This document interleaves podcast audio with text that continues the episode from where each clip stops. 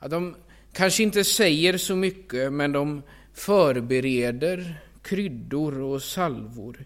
Ja, de fortsätter att visa Jesus sin vördnad trots att livet lämnat hans kropp.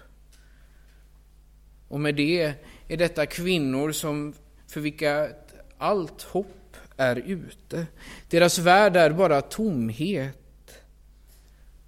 Och det är just till dem, de mest utblottade, som det överväldigande budskapet kommer att Jesus, att deras Jesus lever. De går in i den tomma graven för att nog ganska snart springa därifrån darrande och utom sig. Ja, darrande, det vet vi väl alla hur man kan vara när man har varit med något som verkligen har skakat om en. Men vad betyder detta utom sig? På en av många sidor som finns på internet där man kan söka synonymer till ord och begrepp så slog jag upp detta utom sig. Och förslagen rörde sig ungefär så här. Desperat, förtvivlad, hysterisk, skräckslagen. Inte så hoppfyllt, inte så upplyftande. Ordet, det grekiska ordet bakom här är extasis, det som vi har i svenskan vårt extas ifrån, att vara i extas. Och när vi säger att någon är i extas, då hamnar vi gärna i det andra diket av någon slags känslobarometer. Desperat, förtvivlad, hysterisk och extatisk blir ju något närmast eh, ja, okontrollerbart. Markus han använder det här ordet vid ytterligare ett ställe i sitt evangelium när han beskriver den förundran och glädje som uppstår när synagogföreståndarens Jairos dotter återvänder till livet.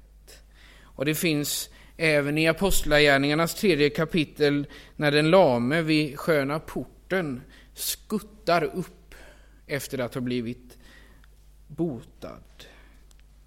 Ja, ordet att vara utom sig bär också betydelsen av glädje och upprymdhet. Ja, de är darrande och upprymda. De är förvånade. Men när de går därifrån så är de inte bara chockade utan vi kan se en första antydan, ett första stråk av påskens glädje.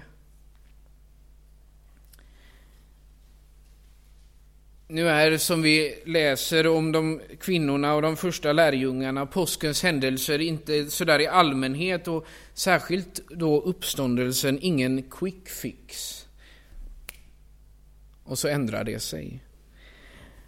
Också den tomma gravens vittnesbörd har satt mångas tro på prov.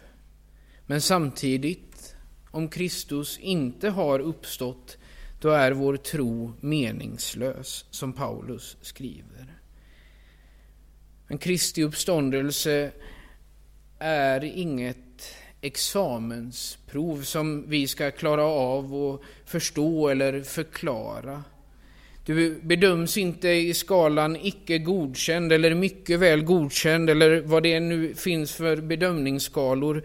Det är inget prov du kan förbereda dig på genom att läsa på gamla prov för att skriva 2,0 och därefter välja vilken utbildning som helst som du vill komma in på.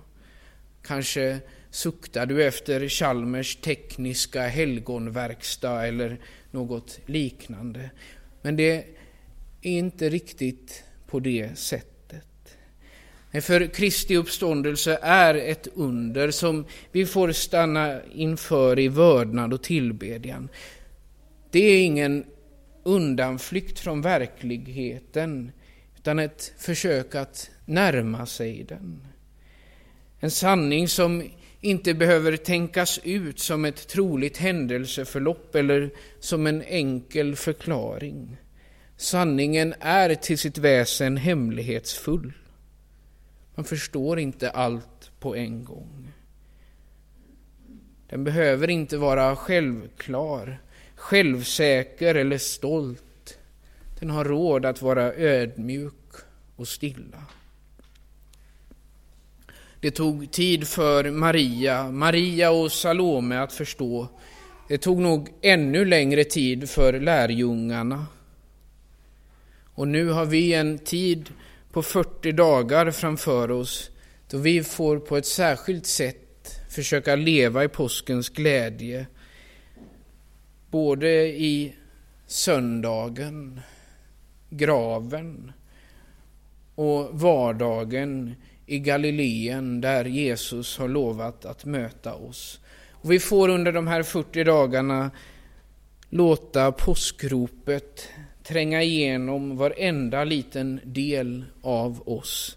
För Kristus är uppstånden.